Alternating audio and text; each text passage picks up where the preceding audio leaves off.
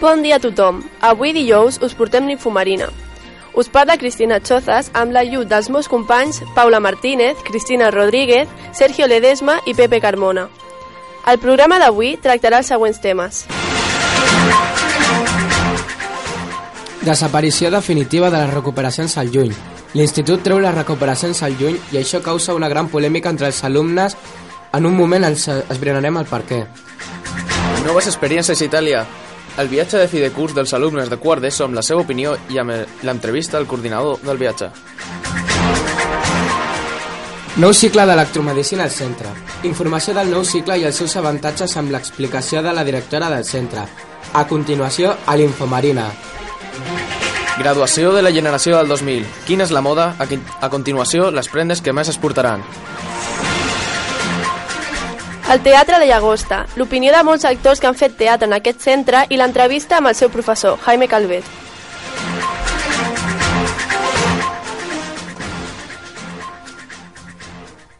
Com hem dit als titulars, ara ens farem ressò de la polèmica que ha generat la supressió de les recuperacions al juny.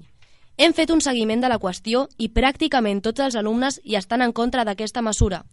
Per altra part, l'equip directiu pensa que no perjudica l'alumnat, ja que gran varietat de professors hi continuen fent les seves pròpies recuperacions dins de l'horari lectiu. A continuació podem escoltar l'opinió d'un seguit d'alumnes. Què penses de que hagin tret les recuperacions de juny? Pues crec que les recuperacions de juny ens servien per poder recuperar una assignatura i així a l'estiu no havíem d'estudiar de, per recuperar el setembre. Penso que és una mala decisió, ja que a la gent que té moltes suspeses i ha de recuperar passa l'estiu amoïnat i també menys oportunitats de recuperar-les. Això suposa, des del meu punt de vista, més probabilitat de suspeses. Doncs que no m'agrada perquè si algú ha suspès diverses assignatures doncs ha d'estar tot l'estiu ocupat estudiant ja que només té una sola oportunitat i és més difícil, més difícil aprovar-la. Doncs jo crec que això està molt, molt malament perquè hi ha molta gent que té recuperar assignatures i, i només té una oportunitat i és molt difícil. Podem veure el gran desacord col·lectiu d'aquesta part de la comunitat educativa. A continuació, escoltarem la veu de dos dels representants de l'equip directiu, els dos caps d'estudis, el Josep Maria Pinós i la Sílvia Orozco. Per què heu tret les recuperacions del juny i què penses al respecte? Eh, S'han tret les recuperacions de juny, però de fet les recuperacions mai no haurien d'haver existit al juny perquè no entraven dintre de la legalitat. Les fèiem nosaltres per donar més oportunitats, en aquest cas als alumnes. Eh, jo considero que és eh, correcte haver-les tret definitivament perquè no ens podem jugar en un dia o no seria lògic jugar-nos eh, tota la feina que hem fet durant un any en un dia i quan aquestes recuperacions es fan tot just al cap de dos dies d'haver acabat tot un curs per tant, és més lògic fer recuperacions al setembre quan els alumnes tindran en aquest cas temps de preparar-se veritablement l'assignatura si no, la recuperació del juny no és ben bé una recuperació, és baixar molt el nivell perquè alguns alumnes puguin aprovar. I això considero que per la gent que ha treballat durant tot el curs no és correcte. Eh, hem tret les recuperacions de juny eh, perquè cada professor a la seva matèria ha fet les seves recuperacions dins, dins de les hores de classe d'aquestes aquest, últimes setmanes. I les, aquestes recuperacions a vegades no tenen sentit perquè si un nano ha, ha, ha suspès dos trimestres és molt difícil que una setmana tregui una bona nota. Llavors el més lògic és que faci la recuperació al setembre que tenim més temps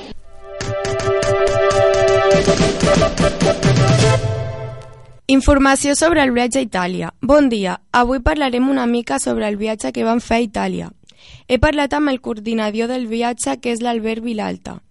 Aquí us deixo l'entrevista que vam tenir. Què n'opines del viatge a Itàlia d'aquest any? El viatge a Itàlia d'aquest any crec que ha sigut un dels que ha anat millor en els últims viatges que han fet.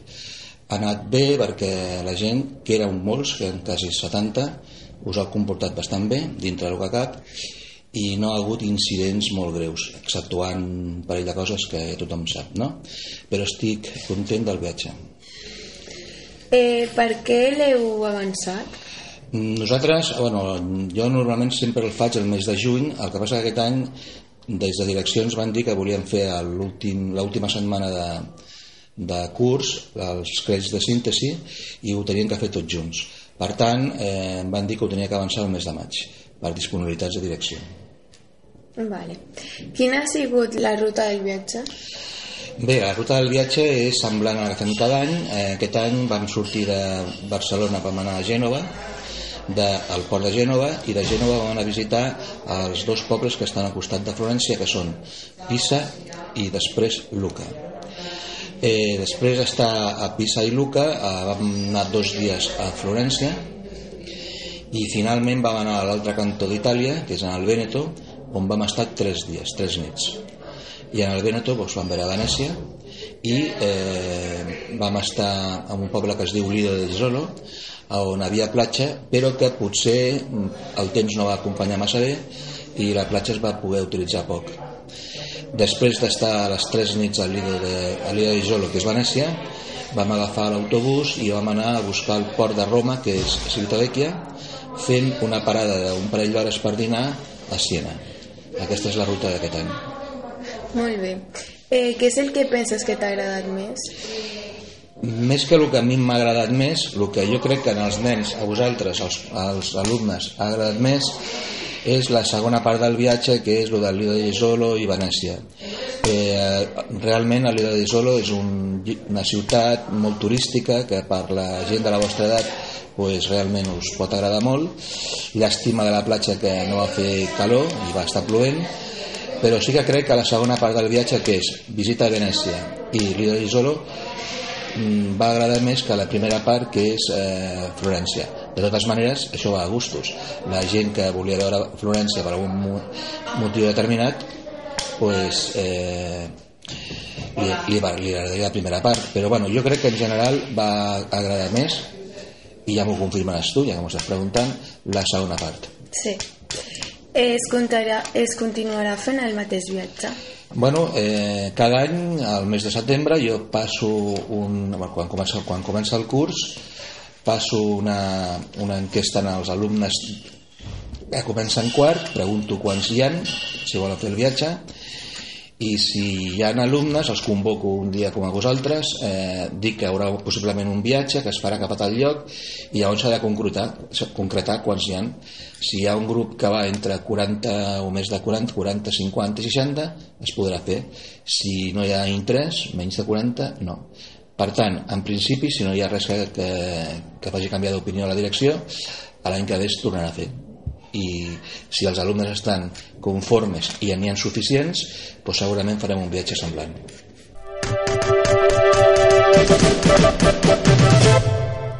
Nou cicle d'electromedicina. Aquest cicle es feia de manera indirecta al centre gràcies al grau superior d'electrònica. La gran deman demanda d'aquest cicle a Catalunya va fer que es busqués un centre que es compleixi els requisits per dur a terme. Finalment, les instal·lacions de l'Institut Marina van ser les més adequades per dur a terme aquest cicle.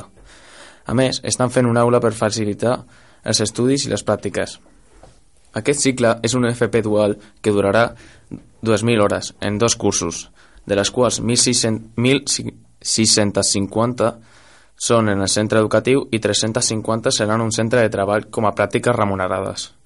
El tècnic superior en electromedicina clínica té com a competència general gestionar i realitzar el muntatge i manteniment de les instal·lacions, sistemes i equips d'electromedicina clínica. En el currículum apareixeran aquests continguts, instal·lacions elèctriques, sistemes electrònics i fotònics, sistemes electromecànics i de fluids, sistemes de radiodiagnosi radioteràpia, imatge tècnica, sistemes de monitorització, registre i cures crítiques, sistema de laboratori i, i hemodiàlisi, sistemes de rehabilitació i proves funcionals, gestió de muntatge i manteniment de sistemes electromedicinals, planificació de l'adquisició de sistemes electromedicinals, tecnologia sanitària amb l'àmbit clínic, projecte d'electromedicina clínica, formació i orientació laboral, empresa, iniciativa emprenedora i anglès tècnic. Les seves sortides professionals són tècnic en equips d'electromedicina, instal·lador i reparador d'electromedicina, cap d'equip d'instal·ladors de sistemes d'electromedicinals, espe especialista en aplicacions electromèdiques, coordinador i supervisor de manteniment de sistemes electromedicinals, assessor tècnic de sistemes d'electromedicina i tècnic electrònic. Algunes empreses on es faran les pràctiques seran gestos i quads cosmètics.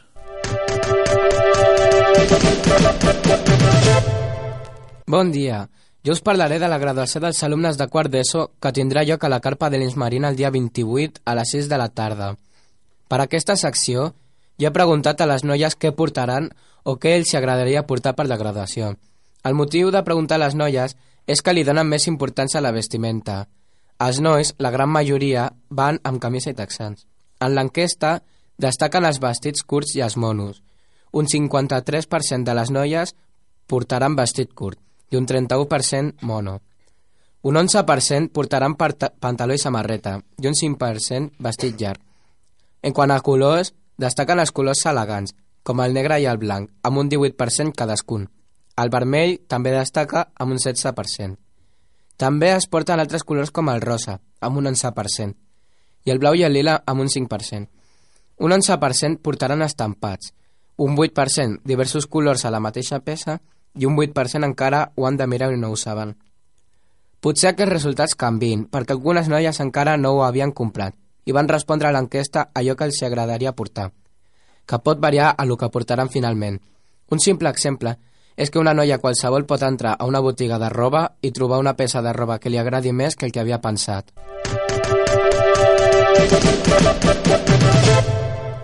Avui estem amb el Jaime, que ens explicarà quan va començar a fer teatre i per què, si creu que es pot viure del teatre i que li porten els seus alumnes. Com recordem, el Jaime és el professor de teatre de la ciutat escolar de Nit Marina i us podeu apuntar quan vulgueu.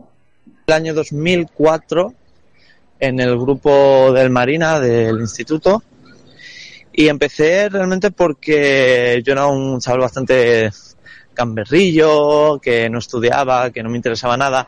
Mis profesores decían que yo era un tío muy listo, lo que pasa que no, no, no me apetecía ponerme a estudiar y ya está. Entonces, mm, mis profesores, tuve una reunión con mi madre y nos... y le aconsejaron que hiciera alguna actividad extraescolar algo para tenerme entretenido, algo para sacar un poco toda la energía que tenía y, y nada, y mi madre me metió en el teatro y como fuimos cuatro o cinco que nos apuntamos a teatro, cuatro o cinco amigos míos, que dijimos, venga, vamos, vamos todo el grupo. Pues me moló y, nada, me quedé en el teatro. Aporta muchísimo, realmente. Eh, es súper bueno y súper super increíble estar día tras día trabajando con chavales, con gente, con, o sea, con niños, con adultos, que, ven el teatro como algo, algo muy inalcanzable, pero que les hace mucha ilusión, y ver cómo consiguen subirse al escenario y, y hacer las funciones y que la gente aplauda y tal, es brutal porque te sientes muy orgulloso, muy, muy, muy ¿Qué me aportan los alumnos? Pues me aportan mucho orgullo y muchas ganas de continuar haciendo lo que hago. Eh, es súper bonito ver cómo, cómo, gente ama algo tanto como tú y, y cómo, cómo, lo quiere y cómo quiere que esto salga a la luz y que la gente lo vea y es súper chulo, súper chulo. Con lo cual, ¿qué te aportan? Pues yo pondría mucho orgullo, mucha ilusión y mucho amor que alguien que haya gente queriendo hacer con el mismo objetivo que yo, digamos. Creo que se puede vivir de todo. También depende de cómo seas. es mi forma de ver. Eh, obviamente tenemos mucha crisis, el trabajo está fatal, el teatro está bastante bajo, el 21% está afectando muchísimo a, a, todos los espectáculos. La gente no va tanto a, a verlos, pero bueno, pero hay gente que va. Entonces, ¿crees que se puede vivir del teatro? Pues según las estadísticas te diría, no. Pero según mi experiencia personal te diría, mírame, yo me dedico plenamente al teatro, a dar clases, a actuar los fines de semana y yo me pago mi piso y me pago mis cursos y me pago mis cosas. Yo estoy, yo estoy viviendo. Lo que pasa que más que vivir, lo que estoy haciendo es sobrevivir con el teatro. Que es un poquito... Pero bueno, yo creo que en esta vida toda, toda aquella persona, sea como sea, si es una persona con ganas de, de trabajar y de conseguir cosas y de hacer cosas grandes y de, de no parar, lo consigues. Da igual cuál sea tu formación. Obviamente yo ahora mismo no estoy trabajando en Broadway, pero yo estoy, yo estoy dando clases con 70 alumnos a la semana, más, o menos, y súper guay. Yo estoy súper contento y sí, estoy sobreviviendo con el teatro. Vale, ¿qué estamos preparando ahora? Bueno, estamos preparando la nueva función, la verdad que no podemos explicar mucho, más que nada porque se está escribiendo. Es una obra que estoy escribiendo yo, eh, que posiblemente tenga música en directo y somos los mismos que Citas Ciegas. Entonces, ahora mismo no te sabré decir qué estamos preparando porque estamos ahí, estamos reuniéndonos y ensayando y probando ideas. Estamos haciendo una lluvia de ideas y a ver hacia dónde nos lleva esto. Pero bueno, lo que sí que puedes decir es que ahora mismo lo que estamos es en pleno, en pleno proceso de actuación. Estamos eh, con el Cita Ciegas, que nos queda estas funciones de este fin de semana y posiblemente lo alarguemos porque ha habido bastante éxito, está todo agotado casi. Entonces seguramente necesitaremos más funciones. A més, aquí tenim l'opinió de tres actrius que treballen en aquesta companyia. A veure, a mi m'agrada moltíssim el teatre i, i porto ja tres anys i m'agrada molt fer, el te- eh, fer teatre i a veure, vam començar aquí a l'institut però ja aquest any ja vam canviar i vam eh, començar una nova companyia individual i jo penso que estic treballant molt bé i que m'agrada moltíssim fer teatre. Vale, l'opinió sobre el teatre, doncs, a mi m'agrada moltíssim, malgrat que no, no de, quan sigui gran no, no vulgui dedicar-me, però seguiré fent teatre amb la companyia i avançant per fer-los més professionals i realment ho passes molt bé fent teatre perquè no ets tu, ets una altra persona. Però, no sé, a mi m'agrada moltíssim i espero fer teatre fins, fins que tingui memòria de gran. Doncs a mi m'agrada fer teatre, a que soc molt petita, perquè, perquè és guai.